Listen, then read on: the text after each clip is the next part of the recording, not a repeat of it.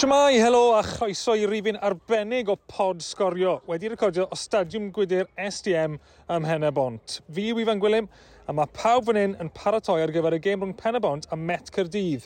Mae yna rhwng llawn o gemau ganol wythnos wythnos hyn A gan ein bod ni fan hyn ym Mhen y Bont heno, yn gynt pnawn yma, na Sioned Dafydd a Fune gael sgwrs gyda chwaraewr Pen y Bont, Mael Davies, i siarad am y tymor hyd yn hyn iddyn nhw, gan gynnwys eu hantu'r Ewropeaidd nhw a'i gêm ddi sgwr nhw yn ebyn pent y prydd nos Wener diwetha.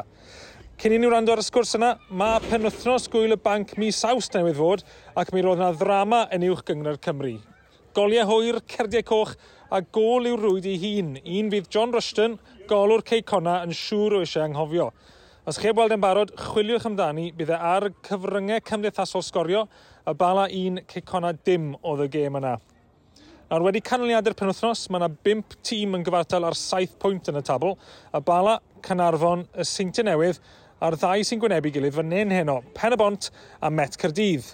Mae nhw i gyd yn ddigon clir o'r gweddill i aros fel y pimp ucha yn dilyn gemau ganol wythnos, dim ots beth i gwydydd heno. Y canlyniad oedd yn dal y sylw fwyaf dros penwthnos oedd y Bari yn sgorio yn y munudau ychwanegol i gipio pwynt oedd ei cartre yn y seintiau newydd. A hynna'n golygu bod y seintiau yn colli pwyntiau yn rhan gyntaf tymor am ond tro cyntaf ers mis mawrth 2021. Fel wedes i, wnaethon ni siarad gyda Mael Davies prynhawn yma, a dyma oedd y sgwrs. Mael Davies, diolch o galon am ymuno â ni ar gyfer, beth ni'n gael o fe, Yves? Pen y Bont, special podcast, wythnos me. Mae Perbon chi yw un o'r pimp tîm sydd ar hyn o bryd ar saith pwynt wrth i ni recordo hwn. Chi'n wario heno wrth gwrs, ond siwr i ti'n asesu'r dechrau i chi wedi cael tymor yma hyd yn hyn? Um, yeah, gyda ni i heb cael 9 pwynt i gwir y gwir. Um, fi'n credu oedd y gêm nos wener diwetha yn erbyn Pont y Prydd. Oedden ni'n caled, ond gaeth ni digon o chances i, i ennill e. i. Um, a fi'n teimlo dros ni wedi, really. Ond um, ni dal heb colli yn y gyngrair. Wnaethon ni ddim colli yn 90 munud yn erbyn Afon Lido yn y cwpa, Fi'n gwybod colli ni ar cicio'r smotyn, ond um, a cadw ni Santa Coloma yn Ewrop i um, dau gêm gyfartal yn 90 munud. So, na, mae fe'n mynd yn really dda, um, a jyst gobeithio gallai cadw fynd. Dros y benodnos, ti'n efo sôn am y gêm gyfartal di sgôr na yn erbyn Pont y Pryd, Ie, yeah, fi'n gwybod, gwybod beth ti'n meddwl o ran, ti'n fel dylsech chi di gallu ennill y gêm na. O ran pont y pryd, ti'n credu bod nhw wedi cryfhau dros yr haf o gwbl yn edrych ar y garfan sydd gyda nhw tymor yma? Ydyn, yn amlwg, maen nhw wedi, maen nhw wedi cryfhau. Um, lot o chwaraewyr da, lot o chwaraewyr gyda profiad wedi dod mewn gyda nhw. Um, a wnaethon nhw dangos nos Wener, chymod, wnaethon nhw'n galed i torri lawr a byd nhw'n anodd i, i curo yn Pontypridd le ni. Maen nhw'n teimlo fes nhw'n anodd iawn sgorio yn erbyn yn nhw, e, achos dim ond un gol maen nhw'n dildio a seintiau newydd gofyn nhw aros yn eitha hwyr cyn bod nhw'n cael y gol na. Um, Mae'r gemau'n dod eitha cloi i chi nawr, gyda chi gym gan wythnos. Sydd ddim fel arfer yn digwydd yn y gyngor yma fel arfer. Met gan wythnos, Bala di Sadwn. Mae'n mor anodd yw goffiderio gyda gym ychwanegol gan wythnos. Mae'n mwyn destructor yr rŵtín fel arfer. Um, Wel, byddwn ni'n ymarfer ar nos fawr anyway, so, chymod, mae well da fi ar y gêm am arfer y gweud y gwir. Does dim ots da fi fe. Um, ond, na, mae fe'n, chymod, gethon ni gêm gyfartal nos, nos wener, so ni moyn trael ennill ein o. Um, na un peth, mae'r tîm oedd arall sy'n colli nos wener di san fatha, yn, yn falch i gweld y gêm hyn yn dod, achos chi'n gallu neud yn iawn um, beth i fod straight away. Um, so na, ond ni'n chwarae bala di sadwn, so um, byddwn ni'n trafeilu lan nos wener a, a gêm di sadwn, so na, ni'n ni, ymarfer yn dda, ni'n paratoi yn dda uh, ar gyfer y ddoi gym. Gaethoch chi haf eitha hectic wrth gwrs hefyd mae'r pen y bont yn warau yn Ewrop am y tro cyntaf eriod. Nawr bod bach o amser wedi bod ers y ddwy gêm yn erbyn Santa Coloma, bod fel i ti'n edrych nôl ar y profiad yna o fod yn Ewrop? O, oh, briliant, uh, Joyce mas draw, chymryd, joedd pob un mas yn, um, well, yn, yn y Brewery Field yn uh, Pen y Bont a hefyd mas yn Andorra. Chymod, gyda ni llawer iawn o, o cefnogwyr yn dod mas i, i sport yn ei fyd. Um, a fi'n credu, chymod, y gêm cyntaf, wni jyst yn check nhw mas, basically, um, yn yr hanner cyntaf. Wni gol i lawr, camgymeriad gan y gol, gol geidwad. Ond Venables yn sgoro i ni, a yn rhoi pob chance i mynd mas i Andorra, wedyn mas na, wedyn trip, trip briliant, a anlwcus really, eith ni took them to the wire fel maen nhw'n gweud, ond um, na, wyn nhw bach yn well na ni mas na. Um, ond profiad uh, beth gofiadwy, ie. Yeah. A fi'n rhaid i gweud o dy dili di mas yn Andorra, yn watchan? Do, ath mam a dad, uh, maen nhw'n dili fi bob man. a fi'n nôl i'r um, cymal cyntaf na, achos i fi, awyrgylch yn cael bragdi pan ath y gol na mewn. So, i fi un o'ch abwyntio'r haf i fi, fi'n gwybod oedd, oedd gweld Hwlffordd yn ennill ac i cysmotyn lan ond oedd y sŵn ar gyfer gol Venables yn gret. So, o ran awyrgylch y cael Bragdi, lle mae'n eistedd gyda ti yn ganol profiadau ti wedi cael hyd yn un yn dyrwad i? Um, siarad fod yr un gorau fi wedi cael yn pêl drod i gwir i gwir. Chymod, nes i colli mas ar uh, cwpan cyfi achos anna fi i'r cws, um, troi cwrs. Um, felly nes i ddim chwarae, really. Um, so, yeah, chwarae yn cael rugby, wedi'i reit lan na hwnna yw'r un, yr un gorau i fi, fi'n credu ni. Um, just, wedi'n teimlo'n teimlo wahanol wrth bod chi'n cerdded mas i'r ca. A, um, nath, nath pob un uh, meddwl yr un peth, mae pob un yn pen y bont yn moyn yr un peth to o'r o'r eiwyr i'r cefnogwyr. Nes ti sôn mael am gol Chris Venables, be mae wedi bod fel yn cael Venables yn rhan o'r garfan ym Henebont? oh, briliant. Mae Venables, mae fe'n tipyn o strap fyd, so mae fe'n gwedi cael, uh, cael yn yr ystafell newid. Um, ond ie, yeah, ar y ca hefyd, chymod, llwyth o profiad.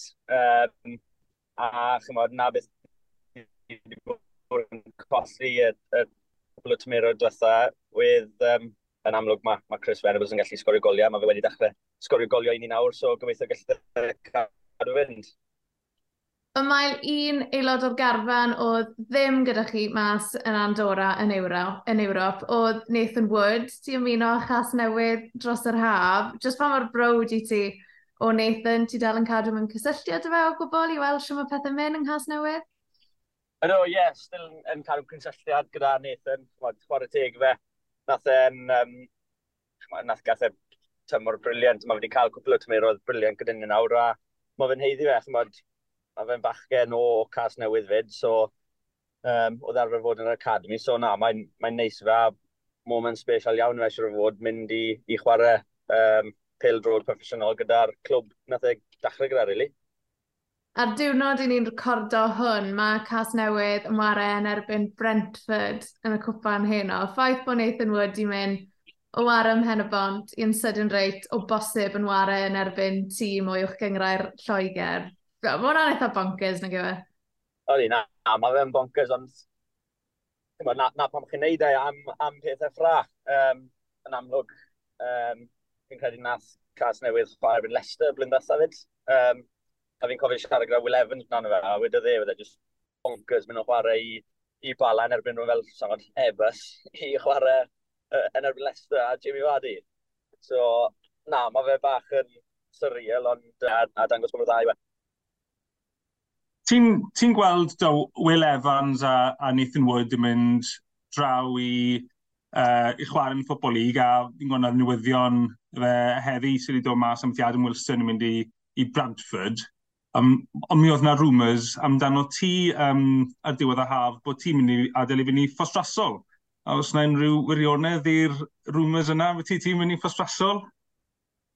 Um, na, sy'n mynd yn wir o gwbl. Uh, wyn ni'n watio'r cricket yn Cyrdydd a um, fi'n credu oedd y boi sydd uh, yn charge o, o Twitter ffys drosol i'w cael bach o'r rodifed yn gynnu. Ond mae ma yna griw chi fyna, dde, achos oedd nid dim ddim ti, ond oedd Dion Phillips, oedd yn yr un flwyddyn y ti'n ysgol, os fi'n cofio'n iawn, a Craig Davies. Batch bach da o chi o'r ardal sydd wedi wneud yn eitha da yn byd pildrod? Ie, yeah, wes. Um, yn amlwg, fi fi a Dion Phillips wedi yn, yn Cyrdydd gyda'i gilydd yn ifanc. So, Dion Phillips nawr yn chwarae Cyrdydd. Um, Tristan Jones o, off y um, mae fe nawr yn chwarae gyfyrddin wedi yn Cyrdydd. Um, a Craig, wyn ni'n chwarae gyda Craig yn, yn Abertawe. So, na, mae lot o, lot o talent wedi dod trwyddo o um, chymwyd, lle bach. Um, Casad Newydd off y sy'n lot, sy'n lot i gael na. Ond, um, na, wnaethon ni tîm 5-a-side pobol, eitha da. rai fi wedi, Mael, pan uh, welon ni tweet ffystrasol, fe nath yr rounds ar WhatsApp grŵp sgorio, a pawb yn meddwl, beth ddiawl sy'n mynd mlaen fan hyn. Wel, wyn ni'n well, ni disgwyl bach o stick um, yn training ar, uh, ar y nos fawrth, ond sa'n credu nath neb gweld e, so lwcus, wedi um, bat o'n eitha dda. ni adael i ti fynd, Mael, ni'n gwybod yn amlwg mae fe dal yn gynnar, gynnar iawn yn y tymor, ond beth yw'r nod i Ben y Bont tymor yma? Cyrraedd Ewrop eto yn eili i orffen yn uwch lan y tabl? Ie, yeah, fel wedwch chi y ddoi peth na, really. Um, yn amlwg, ni wedi cael tasto i Ewrop nawr, um, a amser chi'n bod yn dy unwaith.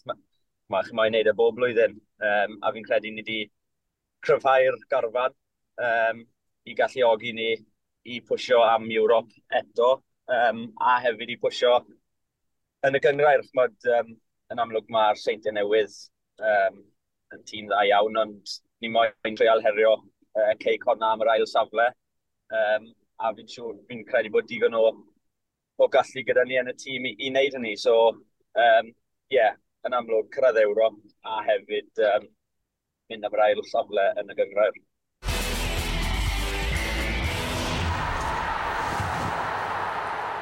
Jones eto yn deffro Haling yn ergydio bellter am arbeniad. Lang unwaith eto, dim ffordd drwodd. Dyna'r neges tymor yma gan Lang a Met Caerdydd. Reit, fi wedi ffindio rolau tawel. Mae wedi gorffen yn ddi sgôr fan hyn. Emryn Lewis gath ei enwyn ser yn y gêm ac Alex Lang hefyd yn arwr yn llinell ôl Met Cyrdydd, sy'n nawr yr unig dîm sydd heb ildio tymor yma. Fi newid siarad gyda Ryan Jenkins, rheolwr Met Cyrdydd, a dyma oedd gyda fe i weid am Alex Lang yn benodol. Uh, llechen lan y ti'n gweud, a gair am Alex Lang, achos fe yw'r unig golwr gyda llechen lan trwy gydol y tymor hyd yn hyn.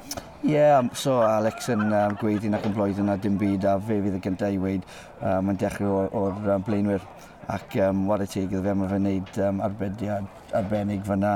Nath e yn gwneud rhywun peth yn erbyn bai colfin um, ar y penwythnos ac um, dyna beth mae'n gwneud, mae'n mynd e, am ei waith um, a adawel fach ac um, tywed, o'i ffili um, helpu o'n feddwl dyle fe fod falle yn uh, cnogio drws y tîm uh, Cymru ac na. Wel, mae Meta Ffenebont yn ddi giro ar hyn o bryd ar recordiau amddiffynol da ond sgorio falle'n broblem. Chos mae Met wedi sgorio mon dwy gol mewn 4 gêm, a Fen y Bont nawr wedi cael dwy gêm ddi sgôr yn olynol. Doedd hynna ddim yn poeni y ddau rheolwr ar hyn o bryd. Dyma oedd ymateb Rhys Griffiths pan o fynesu am y peth iddo fe. Yeah, another tough one. It doesn't get any easier, but I, I think at the moment, you know, we, we've our last two games we've drawn nil nil, and I think we've edged both of them. Um, you know, it, tonight I thought we were the, the, the team most likely to score, even though, again, as I said, Met, Met did cause us problems. But I think at the moment we're playing games, we're drawing games, but we look like the team that's going to win the game, in my opinion. So if that keeps going, then hopefully we do. But what, it's difficult. What's the next step then? What do you need to start turning those nil-nils into one-nils? Well, I think, look, I think some of the chances we've had in the last two games, are gilt-edged chances. And we've got really good players who at the moment are not quite hitting the net. Um, and it's not long before they will. So, you know, I'm not I'm not concerned about that. I think I'd be more concerned if we were the ones hanging on, or we were the ones who, who perhaps felt that we were lucky to have a draw. We're not. We feel a little bit unlucky to be getting draws, and so hopefully those will turn into wins. Wel, yn dilyn canlyniad fan hyn heno a Canarfon yn cael gêm gyfartal un yr un yn erbyn y bala, Mae yna bedwar tîm ar 8 pwynt yn y tabl. Bai Colwyn yn colli o gol i ddim yn ebyn y Seintiau Newydd, felly mae'r Seintiau Newydd yn mynd yn glir ar y brig ar 10 pwynt. Pont y Pryd yn ennill am y tro cyntaf tymor yma, oddi cartre yn Aberystwyth a bron i'r bari ennill am y tro cyntaf fyd, ond chwlffordd am yr ail gêm yn olynol yn cael gol hwyr i gipio pwynt fyna.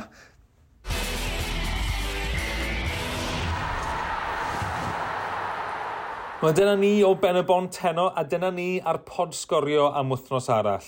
Diolch i Mael Davies a Sioned Dafydd am y sgwrs yn gynt pnawn yma a diolch i ti wrandawr am ymuno gyda ni hefyd. Cofiwch bod gêm Cynarfon yn ebyn Cei Cona yn fyw ar blatfformau digidol sgorio nos Wener. Bydd y pod nôl wythnos nesaf i roi rhagolwg ar gemau Cymru yn erbyn De Corea a Latvia. Yn tan hynna i gyd, hwyl fawr.